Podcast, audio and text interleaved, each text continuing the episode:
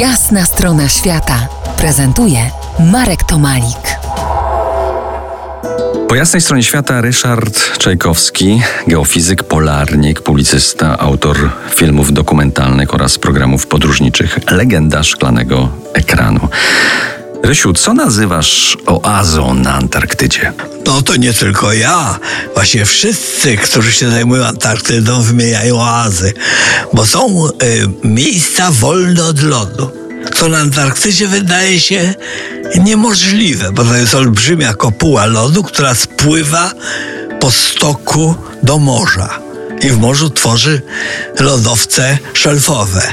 No i, ale są takie miejsca, gdzie ten lód e, jest jak gdyby skierowany przez góry i musi iść w lewo czy w prawo i tak jak oaza Bangera, zresztą to nie jest największa, są większe oazy, bardzo rozległe, jest w nich woda, jeziorka, e, rzeki to bym przesadził, gdybym powiedział, ale jeziorka i w takiej oazie Rosjanie założyli swoją bazę i potem nam w jakimś momencie ją przekazali, ale dostęp do tej oazy był bardzo trudny.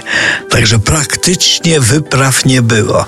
Była pierwsza wyprawa, w której przekazywali Rosjanie Polsce tą stację, potem my z przypadkową zupełnie wyprawą utopiliśmy samolot i musieliśmy zostać na kilka czy kilkanaście dni. To ciekawa zresztą, historia, opowiedz o tym samolocie. Wspaniałe, bo... wspaniała tak. historia dla mnie, bo e, raptem znaleźliśmy się na lodzie, dosłownie na lodzie i nawet nie było bardzo wiadomo, gdzie jesteśmy.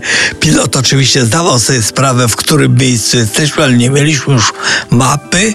Kompas tam nie działa, bo to jest duża różnica pomiędzy wskazaniami kompasu So a e, rzeczywistym położeniem biegunów i e, ja, w, ja bardzo się przygotowywałem do tej wyprawy.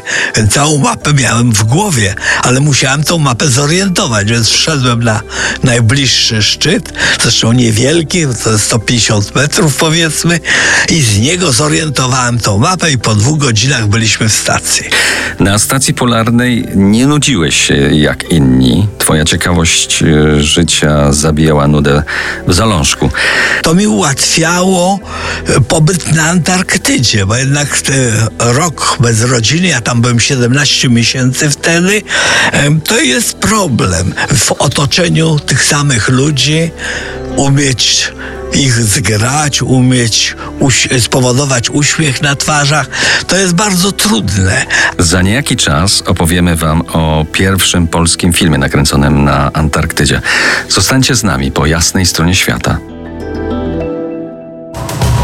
To jest jasna strona świata w RMS Classic.